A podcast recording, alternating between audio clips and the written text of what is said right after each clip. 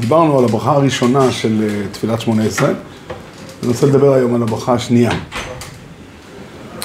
ושוב, התפיסה שלנו היא שתפילת שמונה עשרה באה להעמיד את מערכת היחס בין הקדוש ברוך הוא לכנסת ישראל. או במילים אחרות, אה, זה תמצית התורה. זאת אומרת, בעצם התורה כולה מכוונת בשביל להעמיד את הברית. כמובן, התורה עצמה היא דברי השם, מה שהקדוש ברוך הוא אומר, והתורה באה ליצור את היחס הזה, את הקשר הזה, את השיח הזה בין הקדוש ברוך הוא לבין בני אדם, שזה מתקיים ב, ב, בימים כתיקונם, זה מתקיים על ידי בסמיקדוש, נבואה וכל הדברים האלה. אנחנו נמצאים אה, מאז ש... כן, בסמיקדוש לא נמצא במרכז החיים שלנו, אז תפילת שמונה עשרה מעמידה את, את, את, את, את אה, עיקר היהדות. הברכה הראשונה, כמו שדיברנו, מדברת על הברית, על, העוף, על הקשר, כן, אלוקי אבי סנר, אלוקי אברום, אלוקי יצחוק ואלוקי יעקב, זה ידוע, מפורסם, וזה באמת, אה, בהלכה זה החלק הכי חשוב בשמונה עשרה, בגלל שכן, ההלכה יש כוונה לא מעכבת בכל יתר התפילה. אה, בדיוק בגלל זה, כן, כי הברכה הזאת עסוקה בעיקר הדבר. הברכה השנייה, לפני שאנחנו אה, מסבירים, קודם כל צריך לשים לב לפלא. היא עסוקה בכמה נושאים שקשורים לניהול החיים בעולם הזה, כן, ממכלכל חיים בחסד ועד אה, מוריד הגשם. ויש בה נושא מרכזי, והוא גם תופס מקום בחתימה, זה מחיי המסר. זה קצת אה, צורך ביור, למה תחייה המייסים שהיא יסוד מיסודות התורה, למה הוא צריך להופיע ב-18 שלוש פעמים ביום? כן, בסוגריים, אין, אין בשום מקום בתפילות שלנו, שתיקנו קדמוננו, אה, בקשה שתהיה תחייה אה, מהר. יש הרבה בקשות שהגאולה תהיה מהר, אבל תחייה המייסים יש לה זמן קבוע, ו... אף פעם לא מבקשים שהיא תהיה מהר. יש מקום אחד שזה נמצא בפיוט שכתב רבי אברהם אבן עזרא. מה? אה, עצמי? זה לא מתחבר עם הגאולה, ודאי לא ישיר, כן? אנחנו מבקשים שנזכה לתחיית המעשים, זה הבקשה על כל אדם פרטי, אבל אה, שהקדוש ברוך הוא, אה, רגע, תן לי שנייה להיזכר, יש בפיוט שכתב רבי אברהם אבן עזרא, שמופיע בסידורים בליל שבת. שנייה.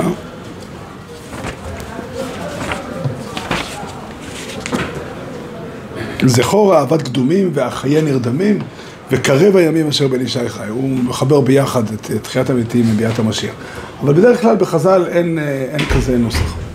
תחיית המתים זה לא נושא לתפילה, זה נושא לאמון, לדעת את זה, כן, יש לו את ה... וזה צריך ביאור.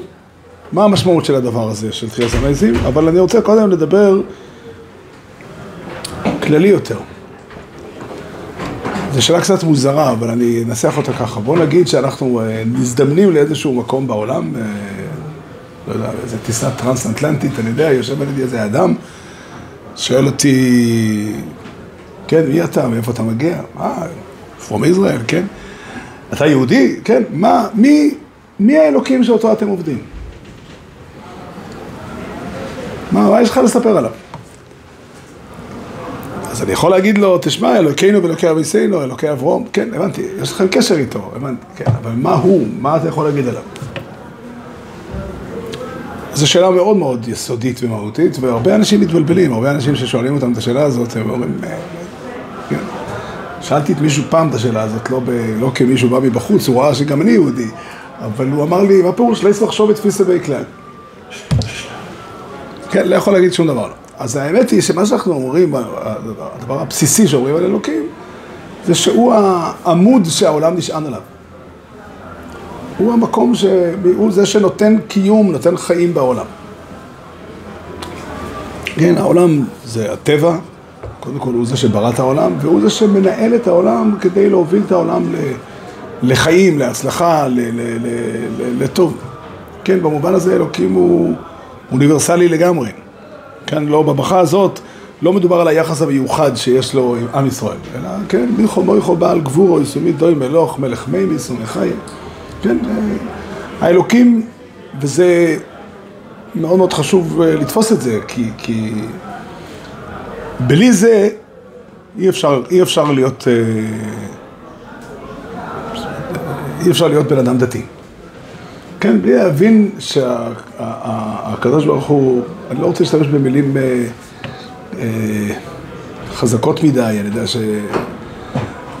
כן, הבנה פשוטה, כן, אני אוהב, אוהב לדמיין לרגע איזה גוי אוקראיני שנתקע באיזה לילה חורפי, אפשר, אפשר לדבר היום על המלחמה שם, יש הפגזה ויש, או זאבים, להקת זאבים מגיעה שם בערבה, והוא לא יודע מה לעשות. כן? ואז הוא פונה לאלוקים, שאלוקים יעזור לו, מה הוא מתכוון?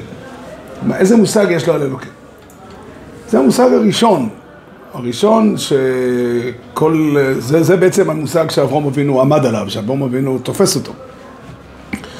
יש שלב ב' שאנחנו מבינים שאלוקים, כן, אולי שזה גם מחייב אותנו, אבל עוד לפני שזה מחייב אותנו, אלוקים הוא קודם כל זה שאנחנו נשענים עליו, והקיום שלנו הוא נשען עליו.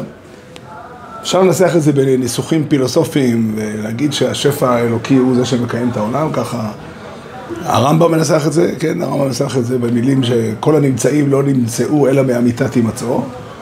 והניסוח היותר טבעי, יותר מתאים לבני אדם, זה, כן, אתו גיבור לא אלוהים השם, אה, רב לא אישיה, משיב אורח ומוריד הגשם, כן, אתה זה שנותן פרנסה לבני אדם, נותן בריאות, נותן חיים, כן. וזה מאוד מאוד חיוני בכמה סיבות. קודם כל, ההופעה של אלוקים היא כמי שבא להיטיב, בא להחזיק את העולם, בא לקיים אותו, בא לתת לנו חיים. כן, ההופעה של הקדוש ברוך הוא זה דבר מדהים. הקדוש ברוך הוא, מה הוא פועל בעולם? הוא מלך חפץ בחיים. ככה אמרנו בימים נוראים, אנחנו אומרים את הביטוי הזה. או במילים אחרות, אה, גם זה נמצא בתפילת נעילה, כי לא תחפוץ בהשחתת עולם. ו... ו- לא יצויר, בוא נאמר את זה ככה, לא יצויר לדבר על הקדוש ברוך הוא בלי להתחיל שם. אי אפשר לדבר על הקדוש ברוך הוא, אפשר, שוב, השיחה יכולה ללכת בכל מיני דרכים, אפשר להשתמש בשפה פילוסופית. שוב, אני אומר, הרמב"ם מתחיל את הסיפור שהוא מדבר על הקדוש ברוך הוא, כיצד יהיה הגלגל הזה סובב ולא מנהיג. זו שאלה פילוסופית. מי שזה מעניין, מי שיגיד לו, לא מעניין אותי. למה גאה? יש הרבה דברים שאני לא יודע אותם. אז מה שאברום אבינו בא לספר לבני אדם, זה שהגלגל הזה לא סובב מעצמו, ושיש מישהו שמחזיק את העולם, והוא באהבתו חפץ בקיום שלך, ורוצה אותך, ודואג לך, ונותן לך לחיות. כן, זה, זה, זה, זה הבסיס הראשון, ולכן זה בעצם הברכה הראשונה של שמונה עשרה. זאת אחרי שדיברנו על הקשר הבסיסי, היחס הישיר הראשון שאנחנו אומרים מיהו הקודש ברוך הוא, אז זה אנחנו אומרים. זה אנחנו אומרים, אנחנו מדברים על, על, על, על, על אה, שהקדוש ברוך הוא המיטיב, כן? שם הוויה בחז"ל תמיד מופיע, שם הוויה הוא מידה סורח, הוויה זה אומר מי שהמציאות שלו היא מציאות שלמה ודי בו כדי להיות משענת ל, ל, ל, ל, לכל מה שקורה כאן. יש פה עוד תוספת נוספת שכדאי להדגיש אותה. שאם ישאל השואל, בסדר, אלוקים הוא מיטיב וכולי וכולי, אבל האם מעניין אותו מה קורה כאן בעולם? אולי הוא רוצה להיטיב הטבות אחרות, רוצה לתת דברים אחרים, אז לא. אז חייבים לומר את האמת, שהקדוש ברוך הוא קודם כל ולפני הכל רוצה לתת לנו חיים. רוצה לתת לנו חיים, רוצה לדאוג לפרנסה שלנו, רוצה לדאוג לבריאות שלנו, אה, כן. עכשיו, אדם שחי בעולם בדרך כלל יכול לשאול שהוא ראה כמה דברים אחרים פה ושם. כן, כמובן, הברכה לא עסוקה בשאלות ותשובות ולא באה לענות, אה, לא באה, זה לא מאמר עיוני, הברכה. הברכה באה להציג את התפיסה העיקרית. אבל אנחנו, שאנחנו כן עסוקים בללמוד, אז באמת זו שאלה גדולה מאוד. אם אדם באמת חי בתחושה שהרע בעולם הוא מרכזי יותר, מהותי יותר, אין, אין מקום לדבר על אלוקים. נקודה. משום מה אנחנו יכולים לומר שבני אדם חיים בעולם ומזהים את העולם כמקום טוב. מזהים את העולם כמקום, את החיים כהמתנה הכי נפלאה שיש. בכל החברות שאני שמעתי עליהן, בני אדם, אדם שהורג מישהו אחר, מענישים אותו ולא אומרים לו שהוא נתן לו פרס, שהוא גאל אותו, גאל אותו מהחיים כאן. כן, התפיסה של החיים היא זו, ושוב, אפשר לנסח את הדברים בהרבה צורות, אבל למה זה כל כך משמעותי? כי זה הבסיס שלי ליחס לאלוקים. אין לי, אין, מי שלא אה, ידיד שלי, אין לי איתו התייחס, אין לי איתו יחס. הרבה פעמים אנשים מדברים על אלוקים בשפה שהוא בעל הבית. בטח אה, שמעתם את הביטוי, היה יהודי כזה, יהודי חשוב מאוד, שכתבו עליו ספר, הכל לאדון הכל. הוא חי כל החיים שלו, באמת היה אדם חשוב מאוד.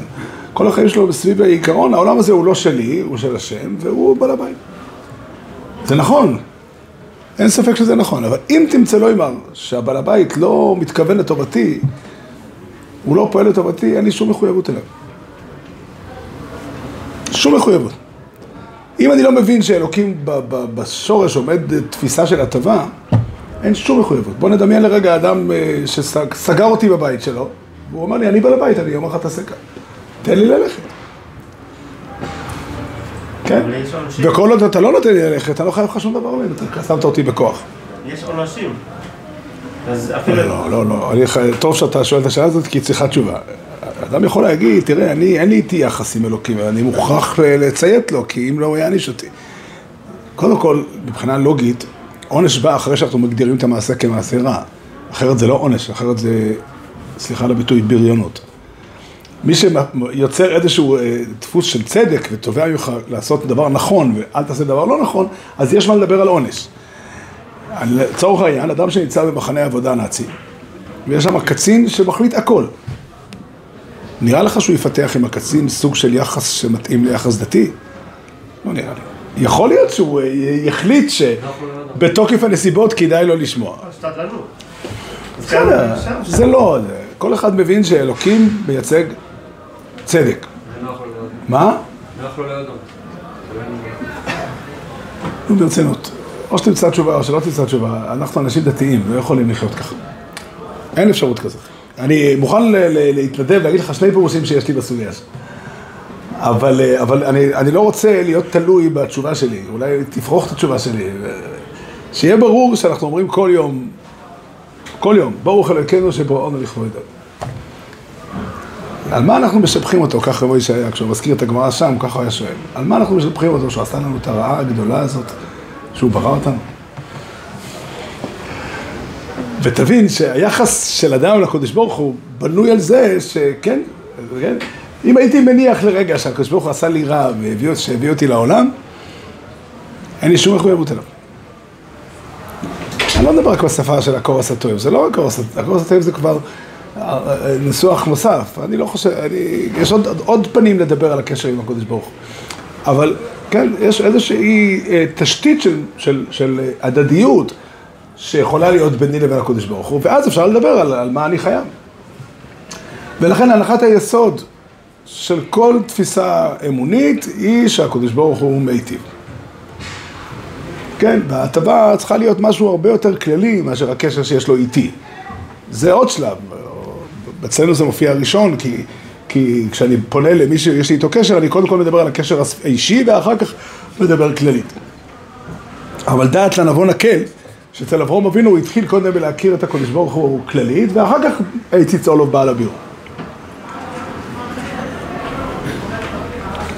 ובואו נחזור שנייה אחת לסיפור של אברהם אבינו. אברהם אבינו שמסתובב בעולם, אני תמיד אוהב לדמיין את הסיטואציה. עומד בן אדם בשדה, עובד עם גב כפוף, חורש, מהדר, כן, בימים ההם העבודה הייתה מאוד קשה, שעות רבות ביום אנשים עבדו. הגיעו בלילה, היה כבר חושך, אה, עוני, קור, חום, לא משנה, כן, הרבה מצוקות. סביר להניח שהמצב רוח בבית לא היה הכי טוב. וכולי. ואז אברהם אבינו ניגש אליו באמצע העבודה, הוא אמר לו, סליחה, כיצד הגלגל הזה סובב בלא מנהיג? אני אומר לך שאם האדם הזה היה עובד עם טורי, אז אברהם אבינו היה בסכנה. זה, לא, זה לא יכול להיראות ככה. אנחנו יכולים לדמיין אדם שיושב, בחורי ישיבות יושבים בחדר אוכל עם קפה ומדברים פילוסופיה, אז יכולים לדבר כיצד יהיה הגלגל הזה סובב ולא מנהיג. מה, מה זה צריך להיות? הפירוש אברהם אבינו בא לאדם הזה ואומר לו, אתה חושב, אתה מרגיש לרגע שאתה עזוב, שאתה חי בעולם של, שאין בו שום דבר לו, שאין בו שום תוחלת והוא לא הולך לשום מקום. לא, אתה חי בעולם שמישהו עומד מאחוריו. מישהו שרטט את העולם בשבילך והוא אה, נמצא פה בשבילך והוא מצפה להוביל יחד איתך איזה משהו נכון וטוב. כשרמב"ם מתאר את החשיבה של אברהם, זה נראה שהעיסוק שלו היה בעיקר איך הוא סובר, הוא לא הבין איך זה אפשרי הדבר הזה, ואז לא, בגלל זה הנימוקים- לא- זה לא פשט. הוא אמר לו, אני בעל הדירה, זה נראה שאז הוא לימד אותו דברים נוספים, אבל... לא, לא, אני לא מסכים איתך. אני לא מסכים איתך. אני חושב שכיצד הגלגל הזה סובב ולא מנהיג, מסתובב מסביב לשאלה, אה, כאילו איך, איך מגיעים למסקנה הלוגית הזאת. זה לא בא להיות, ה... אם אברהם אבינו היה אדם שהטריד אותו שאלה בפילוסופיה, והוא עסק בה 38 שנים, כמו שהרמב"ם מתאר, זה, יש טיפוסים כאלה. הם לא האנשים המוצלחים בכל חברה. כן, אנשים שעסוקים באיזו שאלה פילוסופית ולא ישנים ביום ובלילה, כן, זה פרופסור מפוזר, אני יודע. כן, אני לא אומר, כל אחד, זה נחמד לשאול קושייה בפילוסופיה, אבל אה, כאילו, זה אתה מתאר על אברהם אבינו, הקדוש ברוך הוא, בצוסס לבוא ולמון לפניך, מה הסיפור? אברהם אבינו הבין, הח- החוויה של הקיום שלו בעולם, הרמב"ם מתאר את השאלה השכלית, הלוגית, איך הוא, איך הוא, איך הוא הוביל לפתרון השאלה. אבל הטרידה אותה השאלה, מה מקור הטוב שיש בעולם? כן, מקור ה- היופי שיש בעולם. פעם השתמשתי במשל, כן, תאר לך שאתה מגיע לחדר, אתה יודע, כל אחד מאיתנו יש יום בשנה שהוא יום הולדת. יום אחד אדם מגיע, בחור בישיבה, מגיע לפנימייה, זה משל ש, שסיפרתי אותו אז. אתה מגיע לחדר, בדיוק ביום הולדתך, אתה יודע, לכל אחד אה, ביום כזה יש איזשהו... אה, אה, כן, אנחנו אנשים מבוגרים, לא מדברים על זה בעולם שלנו, כן, אסור לספר שהיה ביום הולדת שלי. אבל אתה יודע, בתוך הלב אני חושב, כן, אמא בטח הייתה, כשאני הייתי בחור עוד לא היה טלפונים, לא היה פלאפונים, אמא בטח הייתה רוצה להתקשר אליי. אני מגיע לישיבה, אני מוצא מתנה, כן? מישהו ידע מתי יום הולדת, ידע להכין לי מתנה, ואני פותח את המתנה, ואני מוצא שהאדם הזה, אתה יודע, לפעמים יש מתנה שקולעת למטרה, דברים שאתה אוהב אותם וכולי. רגע, הוא השאיר פתק? כן. פתק יש ברכה, אבל שוב, תבינו, יש ברכה שסתם משבחים בן אדם. הוא יודע איך, איך לשבח אותי כמו שצריך, ודבר אחד הוא לא עשה, הוא לא חתם. אתה מוטרד מהשאלה מי זה? זה היה המקום שאברהם אבינו הסתובב.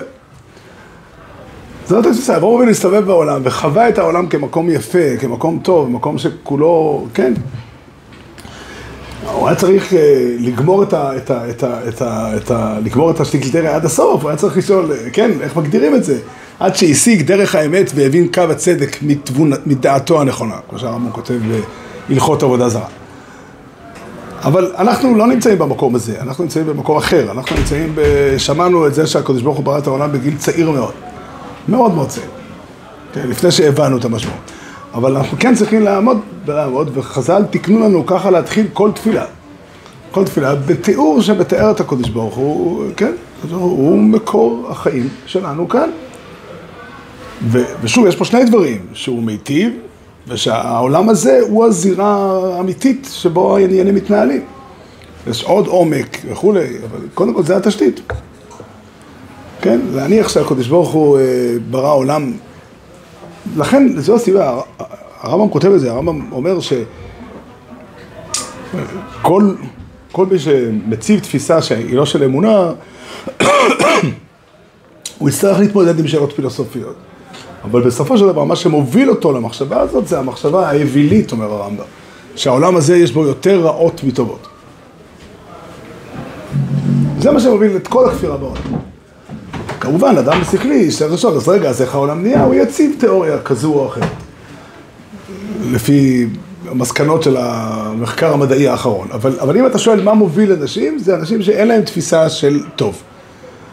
וזה לא, אני לא חושב שאפשר לענות על השאלה הזאת מתוך סטטיסטיקה, אבל, אבל החוויה, ש- החוויה הקיומית של אדם שהחיים בעולם הזה הם, כן, באור פני מלך חיים, וכשאדם מייחס את זה לקדוש ברוך הוא ומבין שהעולם הזה הוא דיבור אלוקי, כאילו הקדוש ברוך הוא נמצא מאחורי הדברים, זה אמונת ישראל.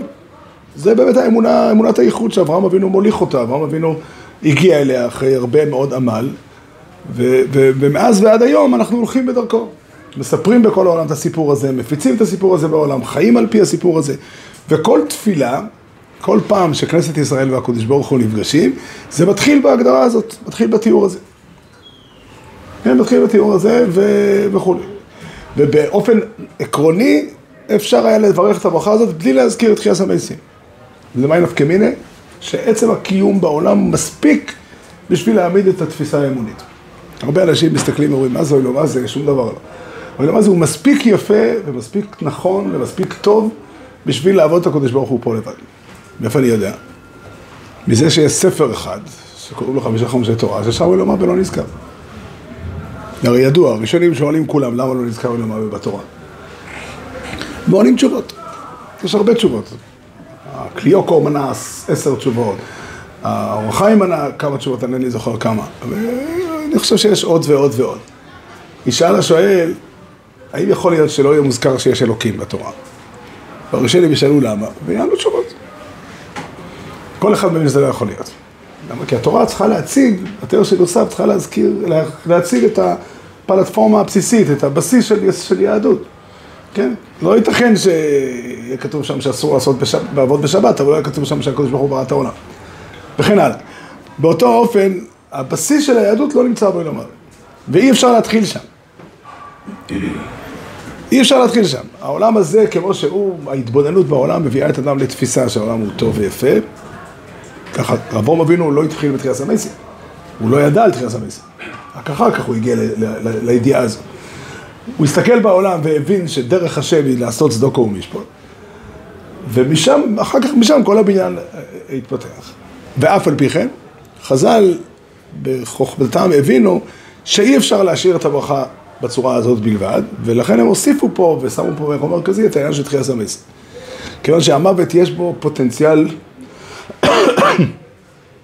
מסוכן, זאת אומרת, הוא יכול לערער על הקיום של בני אדם בעולם. ממש בפרס שבוע, כתוב שם, שעשו אומר ל... ליעקב, הנה אנוכי הולך למות. יש במדרש שנקרא מדרש תנחום הקדום. יש אותו בכמה בתי כנסת. שם כתוב, עדה עוד הכתיב, אל תבכו למת, בכו בכו להולך. מה שעשה פה המדרש, זה אומר ככה, באותה שעה הרי אברום אבינו נפטר. ובחוץ היה לוויה והספיידים, נשיא אלוקים אה, הלך לעולמו. אומר, אומר המדרש, אל תבכו לאברום אבינו. אדם חי, כמה שנים שהוא חי, ואחר כך הוא מת. יש פה אדם שעוד לפני שהוא מת, הוא כבר הולך למות. זאת אומרת, המוות הצליח לערער ולפקפק את עצם החשיבות של החיים. זה האיסוף. זה האיסוף, הנה אנוכי הולך למות. וכדי להגן מהדבר הזה, מהתפיסה הזאת, אז יש מושג שנקרא תחייה סמס. מלך מימיס הוא מחיה, הוא מצמיח ישוע. הקדוש ברוך הוא מנהל את העולם בצורה כזאת שאנשים מתים. המוות הוא, כמעט אמרתי חלק מהחיים, אבל אה, המוות הוא חלק מהמציאות, ו... אבל המוות הוא לא סופני. למה זה חשוב? זה אומר שאם מישהו לא יצליח לתפוס את הערך ואת החשיבות ואת הטעם שיש לחיים פה בעולם, אז אומרים, תדע לך, החיים כאן מובילים לעולם אחר, גדול הרבה יותר, עמוק הרבה יותר, נצחי. כן, תחייה סמס. אבל, אה, אבל באופן עקרוני אנחנו מכירים את הקדוש ברוך הוא מכאן. וזה הכרחי, הדבר הזה. ועל זה כל, כן, זה הבסיס הראשון של יהדות. כן? אני לא רוצה לדבר נגד מי שעובד את הקדוש ברוך הוא כי הוא אדון הכל, או מי שעובד את הקדוש ברוך הוא ביראת העונש. אבל חשוב להבין שאלה הן תפיסות משניות. הן יכולות למקרה, אדם פלוני יכול לדבר על זה, זה יכול להיות שזה מדבר עליו יותר. אבל אם אתה שואל איך התורה בנויה, אז התורה מתחילה בראשיס, בבריאת העולם, והתורה מתחילה עם שבס. שבס מעידה שהקדוש ברוך הוא זה שברא את העולם, שהוא ברא את העולם לטוב, ושלעולם יש ערך ויש טעם להשקיע בו. הקדוש ברוך הוא השקיע בו, הוא ראה את העולם וירא אלוקים אסכול אשר עושו והנה טוב מאוד. וזה, כן, זה העולם שלנו, ולכן השבס למשל היא כל כך מרכזית בעולם, בתורה. אנחנו כל שנה, כל, כל, זו המצווה היחידה בתורה, שבס, שהיא מצווה פרטית. זאת אומרת, היא לא כל הטבע כולו, מצווה אחת שהיא ניתנה בברית. כל המצוות שניתנו בברית הן באמת מצוות כלליות, כמו למשל אבריד אזור ניתן בברית, אבריד אזור זה ההפך מאבריד השם. זאת אומרת, מי שעובד עבודה זרה מפר ברית. טוירו ניתנה בברית, כי הטוירו היא כלל התורה כולה, כן? וברית מילה היא ברית. כי הנושא של ברית מילה זה והייתי לכל האלוהיקים ולזר אחריך. אבל יש בשבס ברית, על מה אנחנו כורתים ברית? מה הברית שלנו בשבת? התשובה היא שהקדוש ברוך הוא ברא עולם, ויש מי שהתחייב להעיד תמיד שהעולם הזה הוא טוב. זה אנחנו. אנחנו עושים את זה כל שבוע. כל שבוע אנחנו מייחדים יום שלם, ועושים יום טוב שלם, יום טוב לפי בגדי שבת, לובשים, אה, גם נמנעים ממלאכה, גם עושים סעודות, לכבוד העולם שהקדוש ברוך הוא ברא. כי שימחתני השם בפועלך במעשה ידיך ארנן. אז ככה, יש תקופות שזה קל יותר, שהחיים הם באמת מהירים וזורחים, ויש תקופות לאנשים ש... שזה קשה. ויש תקופות שיש הרבה אנשים שאומרים, הם לא יודעים להעיד על זה. אבל עם ישראל, זה, זה הבריס אוי לא. הברית שלנו, להעיד על היופי של העולם, על הטוב של העולם כל שבוע, והמשמעות של זה היא אדירה. לא רק כי זה מכבד את השם, זה נכון. לכן זה, שבס היא כבוד גדול לקודש ברוך. כן, היא מעידה על... זה עיקר השבת. עיקר השבת היא זה שהקודש ברוך הוא שמח בעולם שהוא ברא. לשון חז"ל במדש תנחומי, תחילת בראשיס, על הפסוק ויכל אלוקי. שהשבת היא ככלי לדבטה, כמו חנוכת הבית. משל למלך, או משל לאדם שבנה ארמון, ויש בו קומות, כמה קומות, וכמה חדרים, וכמה, וכן הלאה, בית מפואר. והוא מביא את החברים שלו ומזמין אותם, ומראה להם כמה הבית אה, יפה, הבית שהוא בנה. ככה הקדוש ברוך הוא ברא עולם יפה, ומזמין אותנו לשבת, אה, וקורס על השבס אוי נגד. הוא תיקחו את העולם. קחו אותו, תהנו ממנו. זה, זה שבס. ו, ו, אבל המשמעות של זה, הבאה היא באמת שהמחויבות שה, לפעול נכון בעולם נובעת מיחס רציני, כן? אם העולם הוא שווה והוא ראוי לשמור ויש טעם לעשות בו משהו טוב, אז יש סיבה להשקיע בו, כן? הרבה פעמים, הרבה פעמים האדם מרגיש שהחיים שלו הם במצב בינוני, אבל לא, לא כך שווה להשקיע. שלא תדעו מצרות. אנשים לפעמים, אה, אין להם, אין להם מרץ להשקיע. תגיד לבן אדם, איך ה... כן, איך החיים שלך נראים? מה אתה רוצה? אין, אין, אין תלונות. כאילו את הגישה הזאת של אין תלונות? אני הרבה פעמים שואל אנשים מה שלומכם. ברוך השם, אין תלונות. המשפט שעולה לי בראש, מה כל כך גרוע? אבל, אה, אבל צריך עוד להוסיף משהו כדי שהוא יבין את השאלה. אין תלונות זה אומר אין ציפיות. השבס נועדה כדי להעצים את הציפיות שלנו. כדי שנשקיע. כן, כדי שנשקיע, נשקיע במחשבה, כן, זה העולם של הקודש ברוך הוא ברא. וזה, כן, איך אומרת המשנה באורס? ועשור אמר מורס נברו אוילום. אבל במה עורך עוד יכול לבורס? לא ניתן שכר לצדיקים שמקיימים אסאוילום שנברו בעשור אמר מורס. וליפורה מן הרשועים שמאבדים אסאוילום שנברו בעשור מורס. דרך אגב, לימדה אותנו המשנה, מה נקרא צדיק ומה נקרא ראש? צדיק זה מי שמקיים את העולם, וראש זה מי שמחריב את העולם, מאבד את העולם. כן, לפעמים, או הרבה פעמים, לאבד את העולם זה פעולה אקטיבית שאדם עושה כדי לשבור משהו. ויש מצבים שבהם הפוך, צריך פעולה כדי לקיים את העולם. מה, תהיה, מה יהיה המקור למוטיבציה לפעול כדי לתקן, כדי לעשות, כדי, כדי לקדם את החיים? לא רוצה להיכנס לנושאים, אה, כן? הרבה, הרבה אנשים צריכים חיזוק כדי אה, לשמור על הבריאות שלהם. פה יש בחור צעיר, בן 20, 25, 30, כן, איך אתה מתנהג, איך אתה... אני גם הייתי במקום הזה. זה נראה איזה משהו רחוק כזה, שמירה על הבריאות, משהו שקשור ל... ל... אני, לא, אני לא מצביע מרץ. כן, לא, זה העולם שהקדוש ברוך הוא ברא, כן, היחס הרציני לעולם, הוא, זה נקרא להיות בן אדם דתי. כן, וזו הסיבה שהברכה הזאת נמצאת פה. אבל חז"ל הוסיפו ואמרו שמן הראוי להעיד על זה שהעולם, למרות שיש בו מוות, המוות הוא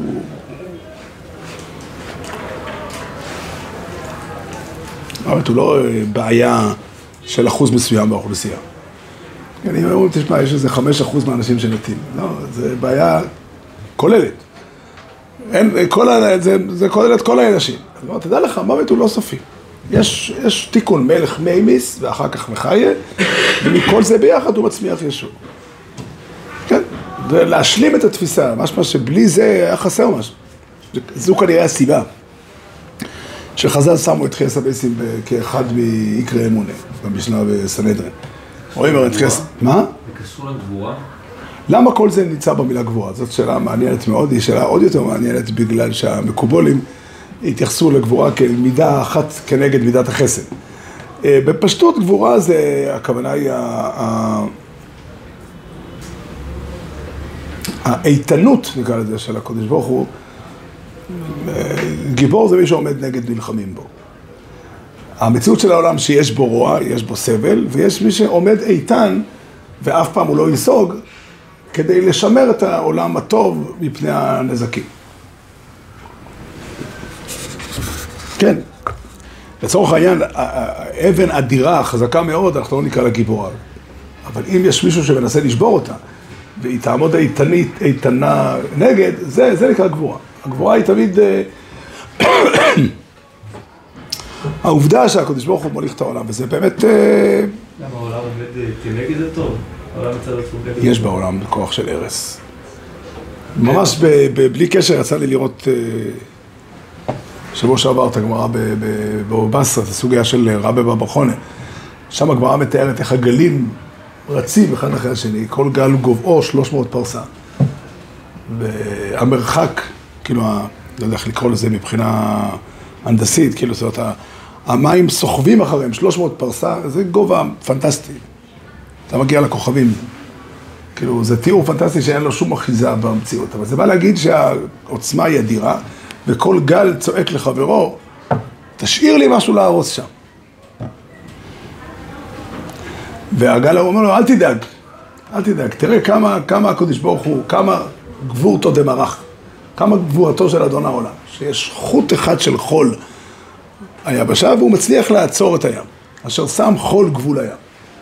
אומרת, זה, זה, זה בא לתאר, כאילו, כמה כוח אדיר של הרס יש בעולם, לא כאן המקום מאיפה ההרס מגיע. אלה שאלות גדולות ונכונות, ההרס אה, לא מגיע ממקום אה, אחר, ההרס מגיע מהעולם. אבל יש כוח של הרס אדיר וחזק, והכוח הזה, תראה, העולם קיים. העולם קיים. העולם קיים וממשיך ופורח ומצליח. כן, הרבה אנשים יש אה, שצופים קטסטרופות כל הזמן. כן, אני מכיר אנשים, הייתי פעם בקשר עם אדם אחד שתמיד היה אומר לי, תדע לך, המצב, אתה, אתה, אתה לא יודע לקרוא עיתון. אם היית מבין לאן העולם, לאן הולכים הדברים כאן, הכל הולך להיחרב. רק משיח יבוא. לא יישאר כלום. אז אמרתי לו יום אחד, תגיד לי, האם המשקיעים הפסיקו להשקיע פה באזור? הם הרי לא מאמינים בניסים. תודיע, כשהם יפסיקו להשקיע, תודיע לי. עכשיו, הוא ראה בזה איזושהי אמירה כמעט של כפירה, אני חושב שזה בא להגיד שהחסד האלוקי פועל, הקדוש ברוך הוא פועל ומקדם את העולם, לא תהיה תפארתנו על קטסטרופות. העולם הולך קדימה. העולם הולך קדימה. כן? וזה, כל זה כוח החיים שהקדוש ברוך הוא טבע בעולם. כן? ישאל השואל, יש תופעה כזאת, אנחנו שמענו עליה בהיסטוריה, על קבוצות של אנשים שנדברו ביחד להתאבד. כמות האנשים שהיו בקבוצות כאלה במקסימום זה אלף אנשים. אלף ומשהו, משהו כזה. האם עולה על דעתנו שמיליון אנשים יתאספו ביחד ויחליטו להתאבד? לא. למה? כי כוח החיים הוא חזק יותר. והוא מוביל את האנושות לטוב ולא לרע. האם יכולים כל תושבי עיר כלשהי בעולם להתאחד ולהחליט להפסיק לילדת ילדים? זה גם לא יעבוד. כן? 30 אחוז מארצות הברית כבר היצירים לא רוצים ילדים. כמה אחוז זה 30 אחוז ממאה? 30 אחוז. זה גם לא יכול להחזיק עוד הרבה זמן. זה לא יכול להחזיק עוד הרבה זמן. הטבע הוא החיים. זה בעצם הסיפור. החיים, כוח החיים הוא כוח אדיר, הוא כוח חזק, הוא כוח של קדושה, באור פני מלך חיים. דור המבול. מה? דור המבול היה דור כזה. לא יודע, לא יודע, אני לא פגשתי אותם, אני לא יודע להסביר לך איך זה היה ומה הם חשבו וכולי. אני אומר לך, אתה צודק שהחילוניות יש בה כוח להרוס, כוח נדיר. קשה לתאר כמה. הרבה יותר מהתאווה והרבה יותר, אה, הכוח העיקרי שהורס את העולם הוא החוסר אמונה. חוסר אמון, התחושה שרודפים אותנו ומי יודע איזה מחשבות רעות מתכננים וכולי. אבל אה, הטבע לא נותן לזה לקרות. הטבע לא נותן לזה לקרות. זה נכון שהאנושות תחזור בצורה כזו או אחרת לאמונה. לכאן, לכאן, לא יודע. אני באופן כללי, כל מה שאני אומר על העתיד, תיקח את זה בערבון מוגבל, אני לא... אני משתדל לא לעסוק בנבואות. וויסטון צ'רצ'יל אמר שלהתנבאות זה עסק מסובך, בפרט ביחס לעתיד. אני מעדיף לעסוק בהווה ובעבר. אבל, אבל אני, מה שאני בעיקר אומר, וזה פחות, אה, פחות יותר חשוב לי ההעברה, כן, הדבר הזה הוא הבסיס של התורה. הוא הבסיס של התורה. כאן התורה מתחילה. כאן התורה מתחילה. בעוד שהאדם הלא מאמין, יש לו תחושות טובות על העולם, והוא אוהב לחיות ורוצה לחיות, וכולי, אבל אין לו אמירה מאיפה העולם מגיע ומה עומד מאחורי הדברים. האדם שיודע תורה, אמר לך, העולם הוא לא טוב במקרה. יש פה מגמה של טוב שמובילה. יש מישהו שהוא עומד מאחורי העולם, הוא פועל בעולם, והוא פועל מתוך המגמה של הטוב. אז לא היה יותר מתאים לסיים את הברכה ברוך אתה השם הטוב והמיטיב? אתה צודק, אני, וככה היו חותמים את הברכה אם לא היה חשש שהמוות יערער את האמון של אנשים בטוב. וחז"ל ראו מה שעתיר השם בכסף לא מתייחסת לזה, היא לא מזכירה את זה. אבל חז"ל ראו לנכון להעמיד על זה את הבסיס, כי הם הרגישו שהמוות אה, מפחיד. המוות מערער את האמון של אנשים, והרבה אנשים זקוקים לזה. כן, דרך אגב, הריטבו אומר שהמחיים מייסים ברוב המקומות הברכה לא מתכוון לתחייה סמייסים. מתכוון לעובדה שהקדוש ברוך הוא מחזיק את האדם כנגד כוח המוות. כאילו, הוא מחיה את האנשים החיים. יודע אם זה פשט או לא, לא, לא ניכנס, אבל, אה, אבל כן. ושוב, אני חוזר למקום שבו אנחנו נמצאים. התפילה מעמידה את הברית, מעמידה את היחס ביני, בין עמי לבין הקדוש ברוך הוא. ויש סדר מסוים איך, איך אנחנו ניגשים להשם. אז הדבר הראשון, זו הברכה הראשונה שעסוקה בעצם העובדה שיש קשר, שיש נאמנות, שיש ידידות. והדבר השני, וזה ברכה שהיא מאוד מאוד אה, אה, עסוקה בעם ישראל. הגוי לא יכול להגיד את הברכה הראשונה. אין לזה שום טעם. כן, אלוקינו ואלוקי אבותינו, כן, זה לא רלוונטי. סיפרתי כאן את הרב יואל שוורץ, זיכרונו לברכה. הכין סידור לבני נוח. סיפרתי את זה שבוע שעבר. כן. אה, לא, אומר, זה, זה נוסח שכולו שייך לעם ישראל. הגויים לא יכולים להגיד אותו. אם הם רוצים להגיד אותו, הם צריכים להתפתל מאוד. ואילו, אה, והברכה השנייה היא יותר מהותית במובן הזה שהיא מגדירה את האלוקים כ- כמושג. היא מגדירה את האלוקים כמושג. האלוקים, גם גוי יש לו אלוקים, כן? הקדוש ברוך הוא שומע תפילת כל פה. כן, גם גוי שרוצה להתפלל, אה, השם שומע, כן, שומע תפילה, עדיך כל בשר יבוא. עוד הרבה פסוקים מדברים את זה, שהקדוש ברוך הוא מקבל את תפילת כולם. כן, זה, הדבר הזה הוא יסוד אמון ישראל, וזה בעצם הגדיר, הקדוש ברוך הוא המיטיב. הוא המיטיב, הוא המשענת שלנו, עליו אנחנו בונים את החיים, והוא זה שנטע את כוח החיים בעולם ככוח אדיר וחזק, כוח נפלא, כן? שוב, אנחנו...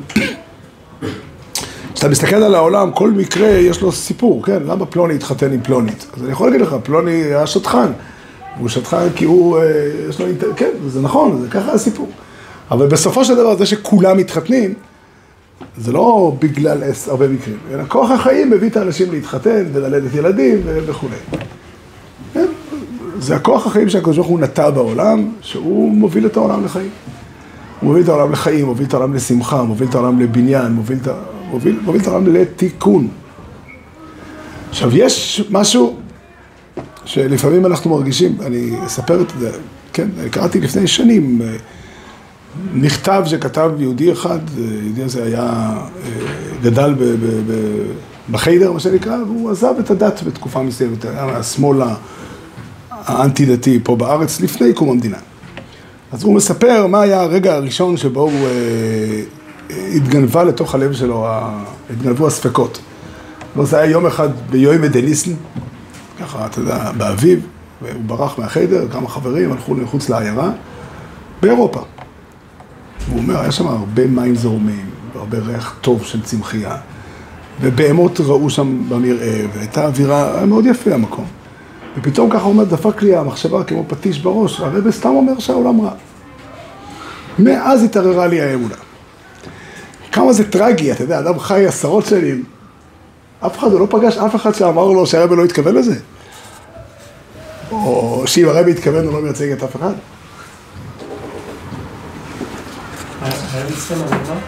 מה? שהעולם רע. כן, הוא תופס את ה... כן, זו הייתה בשבילו הסוגיה. יש מה שהרבי אומר, ואם הרבי לא צודק, והאביב הוא יפה ופורח, תגיד לו, יש ברכה בסידור שמברכים אשר ברא אילנות טובות, וכן.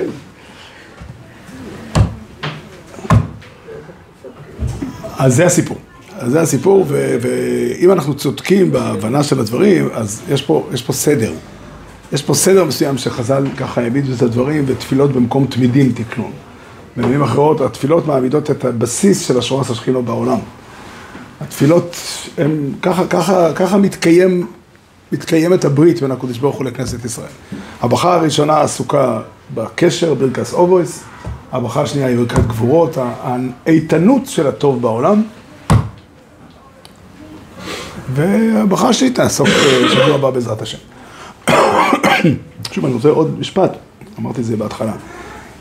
אם אנחנו צודקים, אז תפילת שמונה עשרה היא, היא, היא, היא התמצית של התורה. זאת אומרת, התורה כולה מכוונת למטרה אחת. להעמיד את הברית. התורה היא ספר הבריס. התורה מעמידה את, ה, את, ה, את החיבור בין הקדוש ברוך הוא לביניהם. והקשר הזה מתבטא באופן הזה, יש לו צורות אחרות, איך שהוא יתקיים בתקופות אחרות. בתקופה של הגלות הוא מתקיים על ידי השמונה עשרה, על ידי תפילת שמונה עשרה. שהשם יעזור לנו, שנזכה תמיד לעמוד לפניו ולהיות, איך נקרא לזה ככה, להעצים את המודעות שלנו לנוכחות האלוקית בחיים שלנו, בחיים של העולם בכלל ובחיים של עם ישראל בפרט, ושהשם גם ישמע את תפילותינו. וחננו בן הקשורים לרוצה הקדוש ברוך הוא לזקו אסתס ישראל לפי רפיום ולפי ומצוות שנאמר רבנו חפץ למען צדקו יהודי טרור ויעדי ויסגדי ויסגדי שמי רבו בעולמות יברוך ירוסי ועמיק מנפוסי בחייכונו וימיכונו בחיי בכל בייס ישראל בעגולו בזמן קורי ואמרו עומי שמי רבו מבורך לעולם ולעולמי עולמיו. יסבורך וישתבח ויסתואר וישרוי ויסנסי ויסדור ויסלל ויסלול שווה לקודשו בריחו לאלו מכל בכוסו ושירוסו ובכוסו ולכם עשו לאמירון בעולמו ואמרו עומי על ישראל ועל רבונון ועל תלמידיון וכל תלמיד וסלמידיון וכל מן דעוסקים במאי סודי ועשו קדישו עודן ודי בכל עשר ועשר. יהיה לאוינו לכל שלמה רבו חינו וחיסדו ורחמים וחיין אריכי נגמנו רביחי ופורקונו מקודם אבוינו וישמעיו ואמרו אמן. יש שלמה רבו מישמעיו וחיים עלינו ועל כל ישראל ואמרו אמן. או יעשה שלום במרואים והוא יעשה שלום עלינו ועל כל ישראל ואמרו אמן. שהוא רוצה ללכת למעריב.